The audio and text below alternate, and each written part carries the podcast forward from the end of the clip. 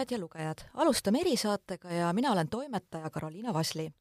ja ei saa üle ega ümber inflatsioonist, kütusehindade tõusust, kõigest, kuidas see mõjutab eri sektoreid. aga täna räägime bussiliiklusest ja ikkagi ka, mis on siin mõjutegurid ja mida oodatakse ka, ütleme, firmade poolt, et mis tehtaks riigi poolt ära. ja külaliseks on meil Lux Expressi Eesti ärijuht Ingmar Roos, tervist! tervist! Just ise hiljuti sõitsin Tartust äh, Tallinna bussiga ja vaatasin, et olid täitsa välja müüdud, et suvi on vist äh, päris hästi läinud selles valdkonnas. hea valik kõigepealt ja suvi on äh, läinud hästi ja kipub ikkagi olema selliselt, et kui kütuse hind kasvab, siis inimeste huvi ühisliikuvuse vastu ka sellega koos kasvab. aga paraku ei saa me ka ju üle ega ümber sellest, et inflatsioon on transpordi kulu määravate osade osas äh, eriti kiiresti toimunud äh, kütus siis ennekõike. Ja noh, selles kontekstis oli, oli suvi tõesti hästi kandev, bussid olid äh, reisijaid täis enamikel suundadel, sügises, sügise osas oleme natukene ärevad. Aga kokkuvõttes, mis see võib siis ka sügisel kaasa tuua, et kui ütleme tarbija seisukohast, kas hakkab ka piletihindades kajastuma? Noh, pean ütlema nii, et äh, ei saa üle ega ümber, eks me mõningaid korrektiive peame tegema, kevadel äh, hooaja alguses, noh suvehooaja alguses äh, me ütlesime küll välja, et me piletihindasid oluliselt ei tõsta. Ja eks me püüame seda loomulikult teha nii vähe kui võimalik. aga, aga päris mööda me sellest ilmselt ei saa, et kui siin kütusekulu tõttu on on äh, liinikilomeetri kulu siin suurusjärgus kolmkümmend protsenti kasvanud, siis äh, paraku aasta läbi kolmkümmend protsenti paremat täituvust äh, bussi ikkagi meelitada ei õnnestu. ja, ja eks see on niisugune nõudluse, pakkumise ja kulude tasakaal, kus me peame opereerima, et küll aga teeb muret see, et, et see normaalne konkurentsi olukorras tekkiv tasakaal tekiks, siis on siin mängus veel ka üks mängija, mis on siis nimelt riigi poolt korraldatav teenus linnadevahelises liikluses äh, raudteetransport, rongid on tipptundidel teatavasti pilgeni täis, aga see tekitab ka küsimuse, et, et kas see on ikkagi nagu kujunenud sellise nii-öelda normaalsete turutingimuste raames, kus äh, riigi poolt korraldatud teenusega tipptunni ajal ei suudeta rahvast ära vedada ja ma isegi väidaks, et see on normaalne tegelikult, sest mm. nõudlus äh, tipptunnil meie kogemuse järgi on kuni kolm korda suurem kui väljaspool tipptundi. ehk siis tegelikult ongi normaalne nii Eestis kui ka muudes riikides, et tipptunni nõudluse kasutatakse erinevaid transpordiliike, bussiliiklus on selles kontekstis äh, kõige kuluefektiivsem, arvestades, mis on kapitalikulu bussi puhul, mis on rongi puhul aga küsimus on selles, et äh, tegelikult linnadevahelises liikluses määrab selle hinnakonkurentsi tingimuse ikkagi rong. aga mis siis on ka, ütleme seal just äh, bussindussektori poolt, et mida oodatakse ka, et võib-olla mis samme astutakse riigi poolt?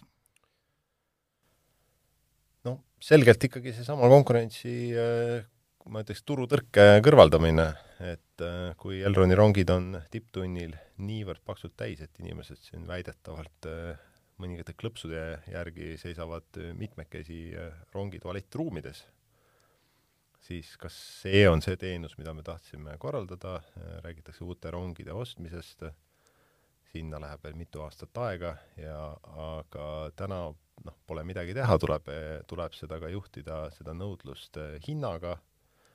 ehm, ütlen välja väga ebapopulaarse sõnumi, et vähemalt tipptunni tipptunni ajal peaks rongipileti hind olema kõrgem, et allpool normaalne konkurents ja bussiettevõtete poolne siis pakkumus äh, saaks kujuneda. praegusel hetkel on siin selles mõttes käärid, et jah, sellel tipptunni ajal on ka meie bussid täis, aga selleks, et bussiliiklust äh, saaks opereerida selliselt, et äh, tipp, veidi tipptunni ajal lisaks, natuke lisaks ka siis nii-öelda tipptunni kõrval, siis täna dikteerib seda hinnakonkurentsi ikkagi rongipileti hind kui rääkida aga ütleme siin sõidu, ma saan aru, et natuke kitsaskoht on ka see, kuidas sõiduplaani muuta vastavalt oludele, et võib-olla tõesti suvisel ajal tahaks sinna panna juurde, aga saaks, samas sügisel tahaks neid jälle vähemaks võtta, aga see, ma saan aru, see protsess on tegelikult väga pikaajaline, et sõiduplaani muuta. no see protsess on, on pikaajaline ja, ja lihtsustatult öeldes ütleks nii, et, et juurde saab kiiresti panna.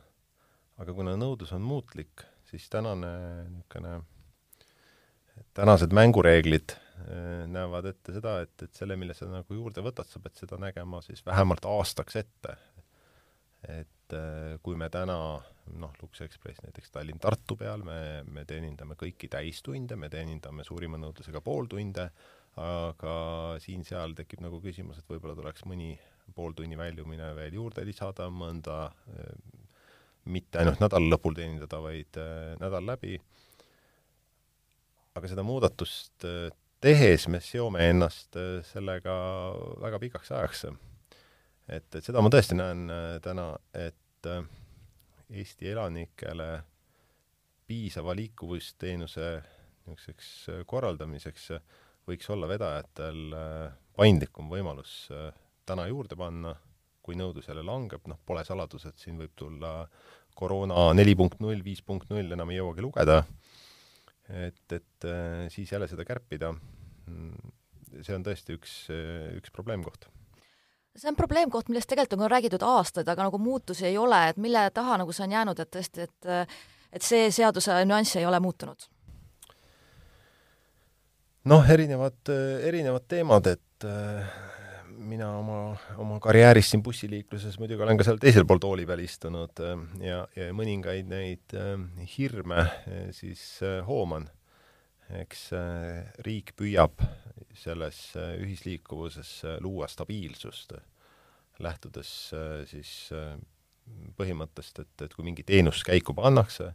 siis, äh, siis inimeste jaoks äh, oleks parem variant see, kui see teenus siis, mis on korra käiku pandud, ikkagi stabiilselt toimiks, et ei tekiks neid üllatusmomente, et täna homme, homme ei ole,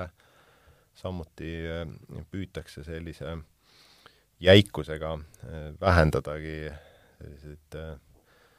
noh, neid nimetatakse ühepäevaliblikateks, kes tulevad ja mõtlevad, et nüüd ma teen bussifirma ja, ja hakkan, hakkan suurtes kogustes, suurtel kiirustel inimesi vedama ja, ja kuu aega hiljem saab aru, et, et ikka ei tule see äriplaan välja, aga see kuu aega opereerimist on mõne niisuguse pikema vaatega tegija juba nagu turult välja söönud. et need on need kaalutlused. aga see taustsüsteem, kus me tuleme, sai eh, kahel koroona-aastal ikkagi väga tugevasti raputada ja tänane reaalsus on teine. et et äh, tänastes oludes äh, tuleks asi ikkagi kiiresti üle vaadata, et, tänase jäikus äh, on Eesti, Eesti inimese kahjuks. bussifirmad saaksid kiiremini reageerida, kui nõudlus tekib, paneksid liine juurde, kui nõudlus langeb, siis saaksid neid kokku võtta. Ja, ja ma usun, et see tuleks täna ikkagi kasuks aga kui praeguses turusituatsioonis, ega vist uusi tulijaid väga ei ole, et kuidas ka see koroonaaeg, et kas ka mõned tegijad nii-öelda lahkusid või et on üldse stabiilselt samaks jäänud, et see turusituatsioon Eestis? noh, siin on jah, pigem on, on äh, hetkel niisugune, ma ütlen, kriisi järellaine ikkagi siin äh, tulemas, et äh, e-, ei tee saladust ka selles, et, et kuigi Lux Expressil oli suvi äh, suvi oli edukas ja me, me taastusime mingil määral sellest koroonast, siis tegelikult noh, meiesugusel ettevõttel viis see koroona ikkagi, ikkagi äh, üle kuue miljoni euro äh, tekitas kahjumit ja, ja see kajastub ikkagi kõiges. sealjuures äh, võimekus uutesse bussidesse investeerida ja täna on väga oluliseks äh, teguriks bussiliikluses ka meeletu bussijuhtide puudus. erinevatel põhjustel. osa sellest on ütleme, aastate jooksul pea liiva alla peitmine, sest meie bussijuhtide, niisugune keskmine bussijuhtide kaadri vanusenumber oli juba aastaid tagasi üsna kõrge. enamik üle viiekümne viie, väga suur osa pensioniealised ja noori tuleb vähe peale. ja bussijuhtide kriis on kõikjal Euroopas ülisuur. Lätis seiskus sellel aastal bussiliiklus, seal äsja sõlmitud hanked, vedajad ei suutnud neid täita, mõnda hanget ka täitma hakata ja, ja oli seal juhtumeid, kus mõni vedaja jättis päevas seitsekümmend väljumist ära, sest lihtsalt bussijuhte ei ole sama on Skandinaavias, kus veetakse lennukitega bussijuhte siis madalama tööjõukuluga riikides kohale ja eks ta on suur küsimärk, et kuidas seda bussijuhi ametit äh, väärindada. loomulikult seotud palganumbriga, äh, palganumbri osas, vot, vot siin on nüüd ka see, et, et kuidas koroona järellainetus äh, annab tunda. kuna koroonakriisis läks näiteks veondussektoril ja ehitussektoril suhteliselt hästi, siis tegelikult neid sektoreid teenindavad suurte masinate roolikeerajad on äh, sama kvalifikatsiooniga või noh, ma, mina ütleks, et tegelikult selles mõttes, et äh, nad konkureerivad samadele töökätele, äh, miinus see teeninduspool, mis peab olema bussijuhil suurepärase teenuse loomiseks ka esmaklassiline. aga jah, tõesti, teised sektorid on üle tõmmanud juhte, et täna ei olegi nagu niivõrd suur probleem enam see, mis mõned aastad tagasi öeldi, et et bussijuht, kes on Eestis load ja kutsetunnistuse kätte saanud, kaob kohe üle lahe eh, Soome sõitma, eks neid ka on, on paikseks jäänuid, aga on ka tagasitulijaid, aga, aga bussijuhtide kriis on ka kindlasti üks asi, mis väga tugevasti mõjutab praegusel hetkel seda muidu, ütleme siis, arenemisvõimelist just nõudluse poole pealt bussisektorit aga hetkel siis meil päris nii drastiline olukord ei ole kui Lätis, et võib-olla tõesti ühel hetkel ongi, et ei olegi keda sinna rooli panna või tulevad selline noh, seisakud. Teate, ma kardan, et me oleme seal eelõhtul. ja me oleme seal eelõhtul ennekõike avalikus bussiliikluses, ehk siis selles riigi rahastatavas bussiliikluses, kus, kus kõik äh, baseerub äh, riigihangete raames äh, välja selgitatud kõige madalamal kilomeetri hinnal. Ja noh, see on täiesti teine maailm, sellest on olnud viimase suve jooksul ka väga palju juttu ja kriitikat kuidas riigi avaliku teenindamise lepingute indekseerimismehhanismid ei ole rakendunud piisavalt kiiresti ja seal avalikus liiniliikluses, ehk siis riigi poolt doteeritavas liiniliikluses on bussifirmad põhimõtteliselt kõik ühiselt sama häda otsas. et sellest tulenevalt ka noh, on vanad konkurendid täna äh, leidnud ühisosa ja, ja, ja üritavad riigile selgeks teha, et, et indekseerimine tuleb äh, muuta kiiremaks. ma toon näite, et meie gruppi kuuluv ettevõte Sebe, näiteks tema Harjumaa lepingute kilomeetri hind oli kujunenud siis tarbijahinnaindeksi taseme baasilt, see, see hind, mis kehtis käesoleva aasta esimesest jaanuarist kuni siis poole juunini, selle hinna oli kujundanud eelmise aasta teise ja kolmanda kvartali tarbijahinnaindeks. ehk siis periood, kus ei olnud mingisugust energiakandjate hinnarallit veel toimunud, Vene-Ukraina sõda oli, oli, oli halb unenägu ja, ja selge see, et, et nendes tingimustes on täna väga tugevasti alarahastatud vedajad ots otsaga üritavad ütleme, nina vee peal hoida ja maksta kütusemüüjatele arveid ära, aga kahekümne viie protsendise inflatsiooni taustal on bussijuhtide palgaootus ja palgatõusu ootus no igati arusaadav ju. ja, ja sellepärast ma ütlen, et me oleme selle bussijuhtide kriisi osas täna ikkagi nagu eelõhtul. Aga kuidas äh, on praegu suhtlus, ütleme, ministeeriumiga, valdkonnaga tegelevaga, et kas on seal mingit tagasisidet, et on mingeid muudatusi oodata või see on pigem selline nagu vaik, vaikelu? no muudatused äh, ei ole lootusetud, aga, aga talumatult pika vinnaga ja, ja, ja tõesti nagu tundub nii, et, et kõik ettevõtted siin lõpuni ei pruugi vastu pidada. Ma ise nii-öelda avalikus liiniveos, see minu, minu energia ja armastus on piletipõhine liiklus, kus äh, bussivedajal on rohkem riske, aga rohkem ka võimalusi ja kus me ikkagi loome teenust, kõnetame klienti ja küsime selle eest teenusele vastavat piletiraha ja, ja siin on võimalik nende riskidega toime tulla. tõesti, noh, mingis osas see tänase kahekümne viie protsendise inflatsiooni tasemel tähendab seda, et ka bussipileti hind, mis näiteks Tallinn-Tartu peal on olnud siin kaheksa kuni kaksteist eurot tavaklassis ja viisteist eurot äh, lounge'is, äh,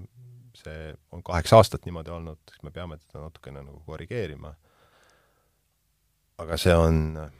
selline risk, millega toimetulekuks on meil hoovad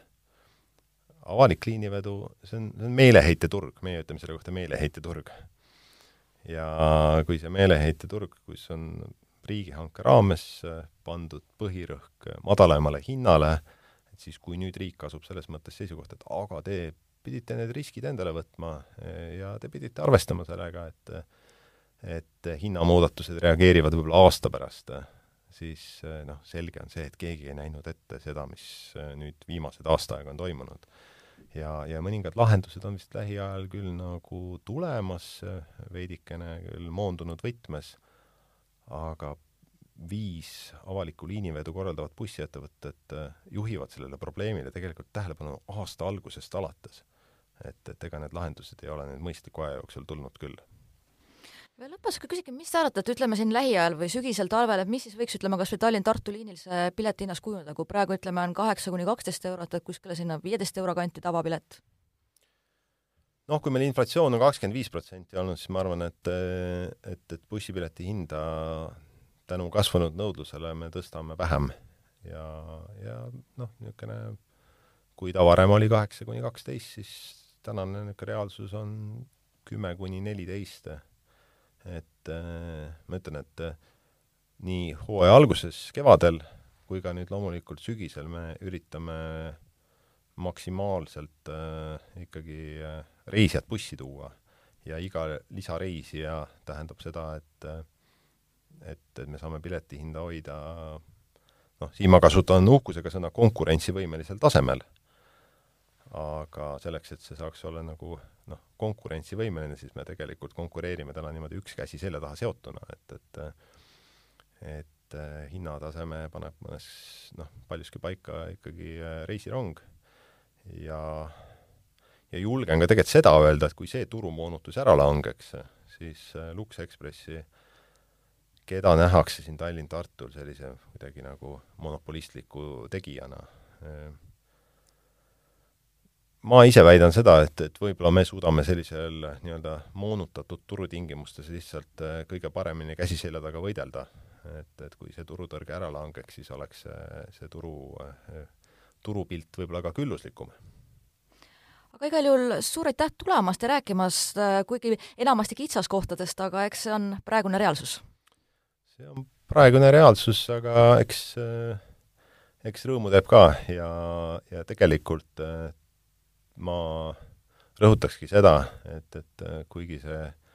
see kriis, kus me praeguseks ikka kaelani juba sees oleme äh, kõikides majandussektorites, äh, on, on hirmutav ja raske kindlasti, siis ühisliikuvuse sektor, mis sai koroona ajal väga tugevasti pihta, see on, see on tegelikult ka võimalus ühisliikuvust päriselt ka üles ehitada uuesti. et inimesed, kes läksid autodesse, tuua uuesti bussidesse, rongidesse